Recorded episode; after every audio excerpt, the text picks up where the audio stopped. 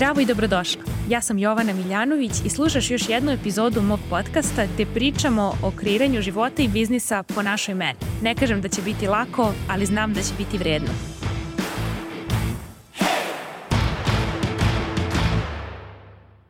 Ćao i dobrodošli u današnju epizodu. U današnjoj epizodi pričamo o tome kako da znaš u što da uložiš kada imaš ograničeno novca, kako da znaš koja je najbolja investicija i delim sa tobom jedan alat da vidiš da li može da ti olakša u donošenju tih odluka.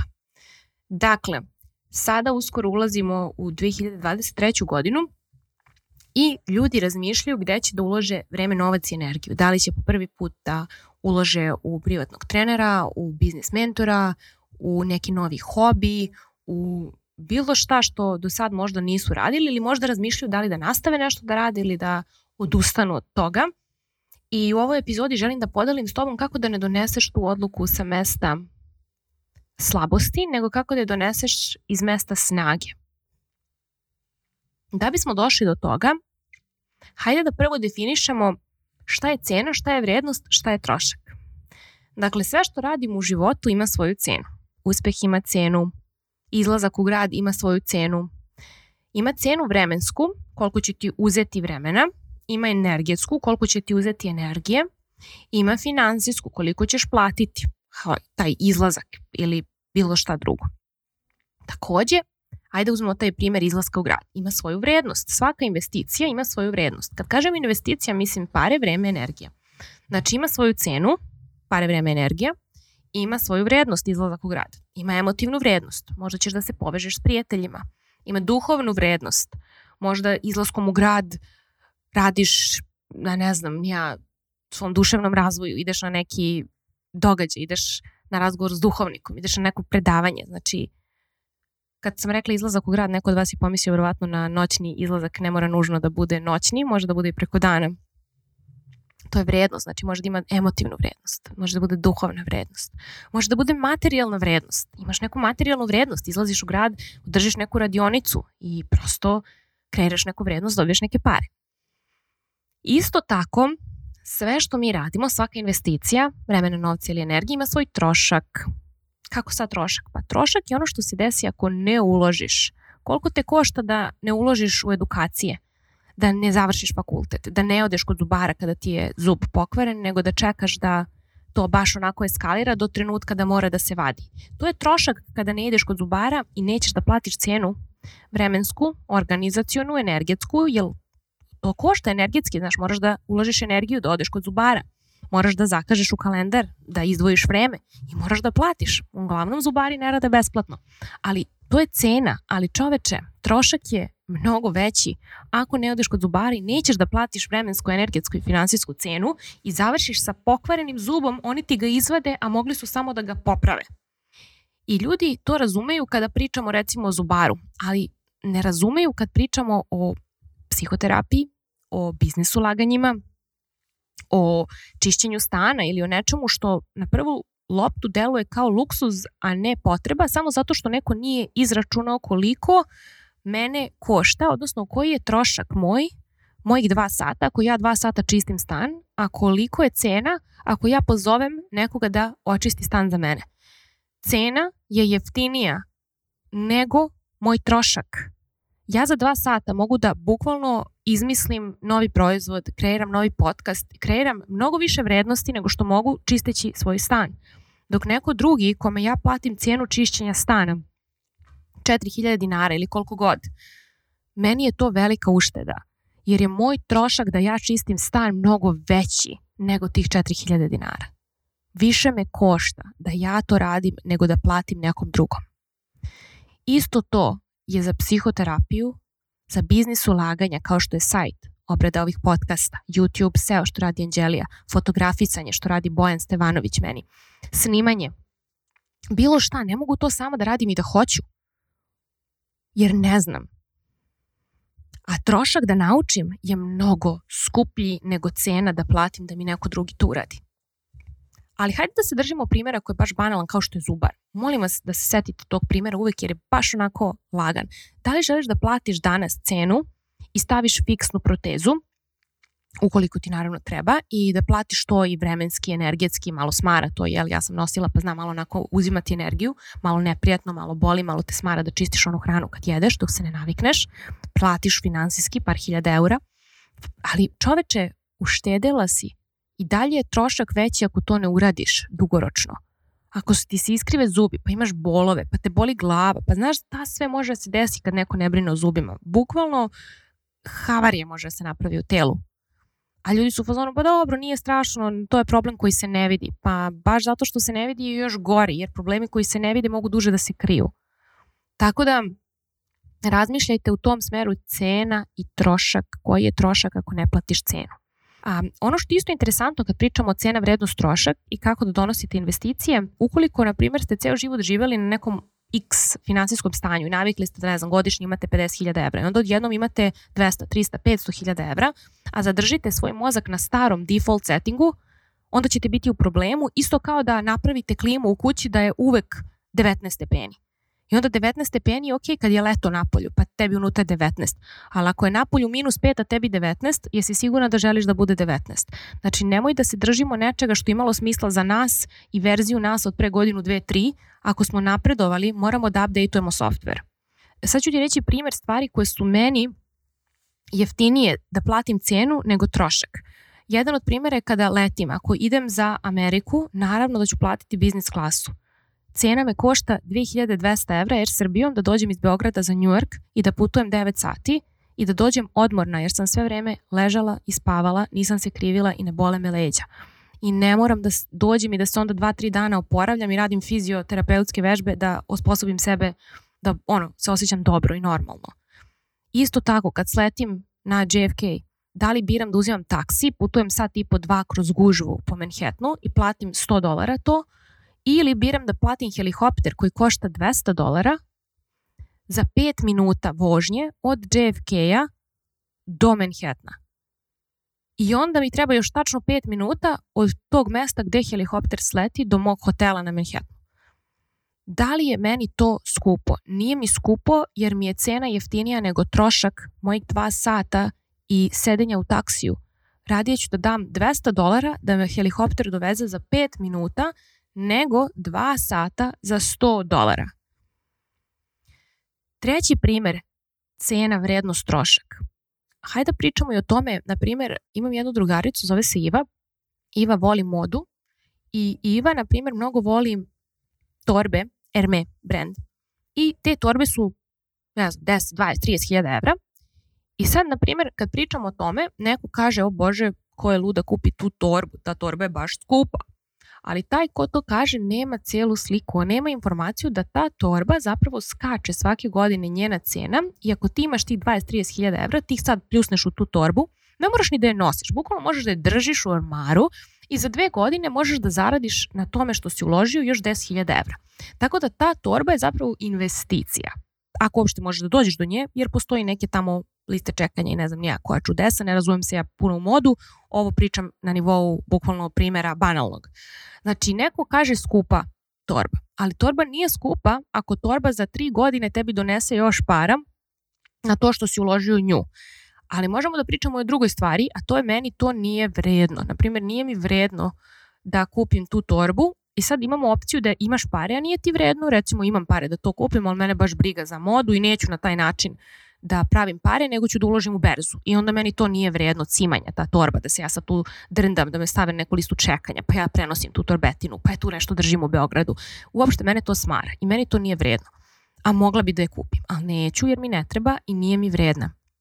Mislim da postoji bolji način da se te pare investiraju, a u mom slučaju to je ja radije bih ih investirala na berzi nego na torbi.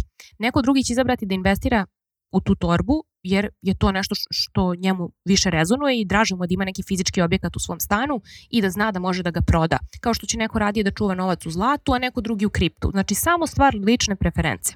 Nije da jedno vredi ne vredi, nego šta tebi vredi, a postoji ona objektivna vrednost, tržišna vrednost. Znači ima tu više pojmova, mi ne baratamo s tim pojmovima, onda se bacakamo skupo ili jeftino. Skupo ili jeftino ne znači ništa, pitanje je ko kaže da mu je skupo, ko kaže da mu je jeftino i koji je kontekst u pitanju. Znači, da se vratim na ovu torbu. Kada ti kažeš da ti je ta torba skupa, da li ti razumeš i donosiš informisanu odluku o tome da ne želiš da je kupiš zato što bi radije investirao novac negde drugde ili ne donosiš tu odluku s mesta moći jer nemaš informaciju da njena vrednost skače kroz vreme. Ili te uopšte to i ne zanima jer ne želiš na taj način da raspolažeš svojim novcem. Eto, to je primer gde, na primjer, nije tako jednostavno doneti odluku i pitati nekog drugog. Moraš prosto da uzmeš sve u obzir. Koja je cena koju plaćaš vremenska, energetska i finansijska da dođeš do te erme torbe. A koja je, koji je trošak ako do nje ne dođeš? I onda vidiš kada sve to izračunaš, šta se tebi više isplati. Sledeća stvar isto bitna kad pričamo o biznisu, cena, trošak i vrednost. U biznisu nas niko ne plaća za uložen trud, vreme, diplome. Ni za šta od toga. Plaća nas za vrednost koju njemu možemo da kreiramo u što kraćem vremenskom roku. Znači u biznisu nije bitno koliko si završila fakulteta, koliko diploma, koliko si se trudila, koliko si uložila u sebe. Bitno je samo klijentu koliko brzo i efikasno rešavaš taj problem toj osobi i što brže možeš da rešiš neki problem manjoj grupi ljudi, to će tvoja cena biti viša i zato niša. Ovo se rimuje. Lakše, još bolje da zapamtite. Tako da što rešavaš uži problem užoj ciljnoj grupi, to je tvoja cena viša jer ti je uža niša i veći si ekspert za rešavanje tog jednog problema. E sad da se vratim na pitanje cure sa Instagrama, kako ja da znam čoveče sad u šta da uložim? Nemoj da se povodiš onim šta je tuđa mera, to sam pričala u pre nekoj epizodi i nađi svoju meru kada ulažeš u edukacije, pazi se, ako recimo hoćeš da kupiš nešto što ti deluje da je iz tvog ugla sada, puno para, da ti je skupo, onda se pazi ako osjetiš da imaš ove misli, one otkrivaju da nisi spremna za taj tip investiranja i taj tip rada još uvek i da je mnogo bolje da taj novac uložiš u psihoterapiju. Evo recimo, Prošle godine smo uh, bili muž i ja na događaju koji smo svako od nas i platio 25.000 dolara za tri dana kod jedne mentorke Stacy. I sećam se kad jedan drugar pitao, pa čoveče, šta mi ona nudi? Šta mi ona nudi za 25.000 eura? 25.000 dolara. I sećam se kad sam uh, pomislila, pa ne nudi tebi ništa, s tim razmišljanjem zato što uopšte ona ni nije napravila ovaj program za tebe i za tvoj tip biznisa i za nekoga ko uh, se pita da li meni ovo vredi, to je samo znak u stvari da ti ne vredi zato što ti nisi ciljna grupa za taj program i taj program nije pravljen za neko kao što si ti, postoji neki drugi program koji je za tebe fit. Čim imaš tu misao, pa dobro šta mi ona nudi za x, neki 5 evra, e, šta mi ona nudi za 5 evra, tebi ništa s tim razmišljanjem zato što ti nisi ciljna grupa za to i taj program nije za tebe. Tako da nemoj da se povodiš time što sam ja bila na nekom programu ili što neko drugi bio zadovoljan. To nema veze sa tobom i tvojim životom. Mnogo je bitnije da vidiš gde ti pomisliš kad vidiš neku cenu, ovo je super cena za ono što ja planiram da dobijem iz ovoga. I ako ne možeš još uvek da dobaciš do toga da stvarno veruješ da ti uzimaš iz programa, a ne da ti se daje, ne da ti se ti sad daš pari i neko ti tu nešto da. Ne daje ti niko ništa. Ti programi su takvi kakvi su. Na tebi je uđeš unutra sa sređenom glavom i iskoristiš ono pošto si došla, uzmeš. Bukvalno ga uzmeš. Ne čekaš da ti se da, da ti se servira. Uzmeš, brate, uzmeš. Ako nisi spremna da uzimaš, nemoj da ulažeš ni u šta sem u psihoterapiju. Dakle, kad vratiš moć kompletno u svoje ruke i shvatiš da šta god platiš, ti si odgovorna da tu investiciju vratiš, tad možeš da uložiš i 200.000 evra jer znaš da ćeš vratiti. Mm, daću ti još jedan primjer koji je super. Na primjer, kad smo bili na tom programu, ja sam bila u grupi sa jednim sjajnim ženama, zovu se Becca Pike, Scarlett Corcoran, koja stoji iza profila One Big Happy Life i Samantha Sifring i još neke sjajne devojke.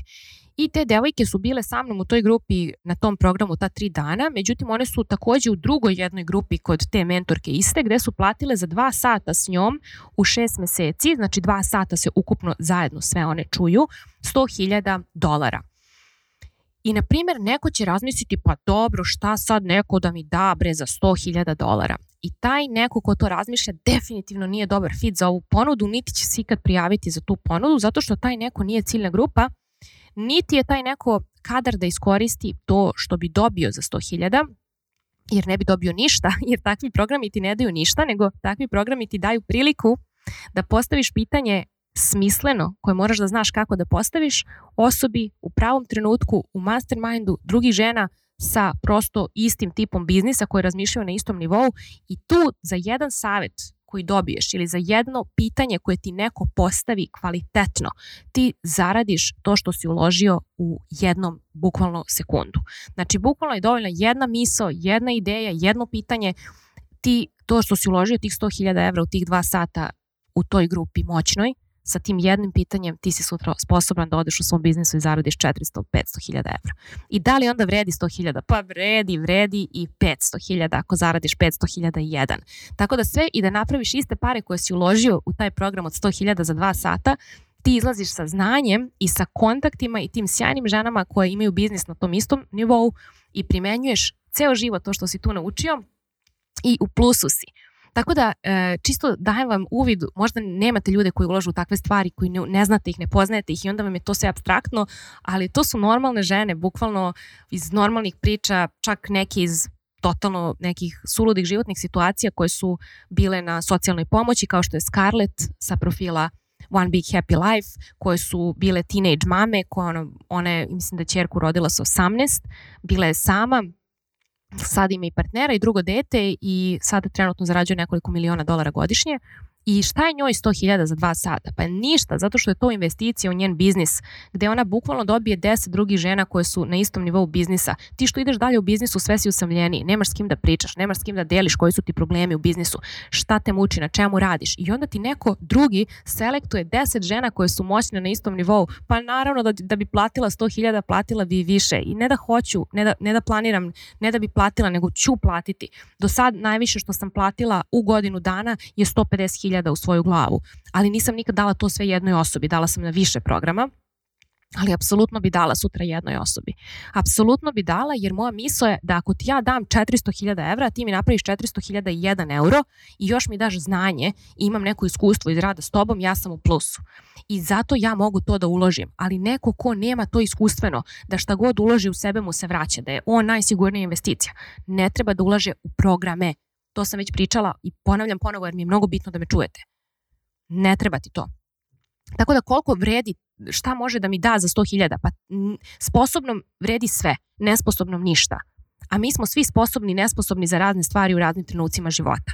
Tako da ukoliko si ti neko ko za neki program mora da, ne znam, digne kredit, proda auto, pozajmi, verovatno nisi dobar fit za taj program, nisi ciljna grupa, zato što ako nisi taj novac zaradila od svog biznisa, nećeš umeti da primeniš to što se nudi da bi povratila tu investiciju i zaradila dodatno od nje. Da bi to bila dobra investicija, ti moraš da budeš na mestu osnaženom u svojoj glavi da obrneš to za mesec dana šta si uložila.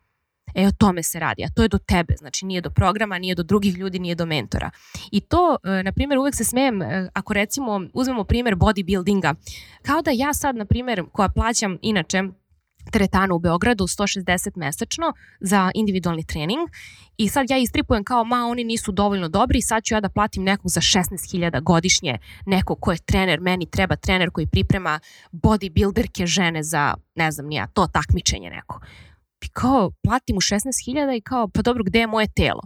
Pa moje telo ne pravi on ni investicije od 16.000, ovo je inače ozbiljno cifra koju jedan trener naplaćuje za godinu dana, jer ja nisam za tu ponudu. Ja sam prosječna osoba koja sedi dosta u danu, koja je imala ozbiljne povrede, koja nije kadra da 12 meseci ide u teretanu bez da napravi pauzu zato što se ili prehladi ili razboli ili se upali nerv ili putuje. Znači ja sam rekreativac, ne profesionalac i ja kao rekreativac prosečni ispovređivani sedeći lik, nisam neko ko može da investira 16.000 u trenera i da ja povratim investiciju. To su bačene pare. Tako da ću se ja držati moje investicije od 160 eura u Beogradu u teretanu u koju idem i bit ću zadovoljna na tome što dobijam. Tako da ja nisam za ponudu od 16.000 za trening fizičkog tela, jer ja nisam dobar fit, nisam ciljna grupa i to nije ponuda koja je pravljena za mene. Ja nemam kapacitet da primenim tu ponudu i ono što je isto interesantno kad pričamo o tim stvarima, meni uvek bude smešno kad se, e, na primjer, to mi je uvek smešno stvarno, kad kao neko kaže, upa kao 16.000 kao za privatni trening, kao, brate, taj lik lud, pa hoće da mi da novo telo. E, znači, neće da ti da novo telo, jer ne može da ti zameni glavu. Tebi i meni neće sigurno dati novo telo. A znaš kome će dati novo telo? daće novo telo nekom ko je već onako u formi, ko kida, ko je svetlosnim godinama od tebe i mene i ko će mu dati 16.000 dolara na godišnjem nivou i kome će onda promeni jednu stvar, jednu stvar, jednu rečenicu u treningu i osoba će da napravi 1% pomak i da pobedi na takmičenju. E, i, i da dobije koliko god, milion evra. I da li njoj vredi 16.000? Ma njoj vredi, ona može da plati pet puta. Ne zato što ima pare, nego zato što joj vredi. Zato što je za tu devojku koja je profesionalni šampion u bodybuildingu cena da radi s njim manje nego trošak da ne radi. Treba će vam više puta da preslušate ovu epizodu ako niste navikli da investirate puno novca u sebe i ako ne verujete da ste vi svoja najsigurnija investicija i ako ste odrasli u okruženju gde vas nisu naučili šta je razlika između cene, vrednosti i troška. Hvala tata za ove lekcije, jer bez ovih lekcija moj život bi bio mnogo teži, jer bi dalje cenila više novac nego mentalno zdravlje i ne bi gledala na novac kao na alat i na nešto što može da mi donese više vremena, više energije, nego bi gledala na nešto što treba da se čuva i pravila bi od novca ne znam šta, umesto da ga gledam samo kao ono što jeste, a to je alat da mi olakša život. Tako da eto, nadam se da mi je ova epizoda koristila. Ovo je tema koju mnogo, mnogo volim i koju zaista obrađujem mnogo dublje na svom mastermind programu sa ženama koje su na tom nivou biznisa, koje moraju i same da naprave razliku između ovoga i da shvate koja je njihova ponuda za koju ciljnu grupu i koju cenu njihov klijent mora da plati vremenski, energetski i finansijski, a koji je trošak ako to ne uradi i koju vrednost dobija klijent iz rada sa njima koja nije vezana samo za rezultat, već i druge stvari koje se menjaju u našem životu kada promenimo taj neki rezultat i kad idemo u pohod na njega, a to su stvari emotivne i duhovne i materijalne, krug ljudi i sve ostalo. Nadam se da ste uživali i čujemo se uskoro u novoj epizodi, a ja vam šaljem topli pozdrav iz Londona.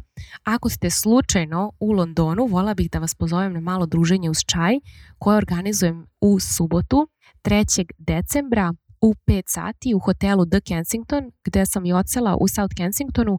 Dođite da se podružimo, da jedemo kolače ukusne i pijemo čaj i da se bolje upoznamo uživo. Vidimo se uskoro.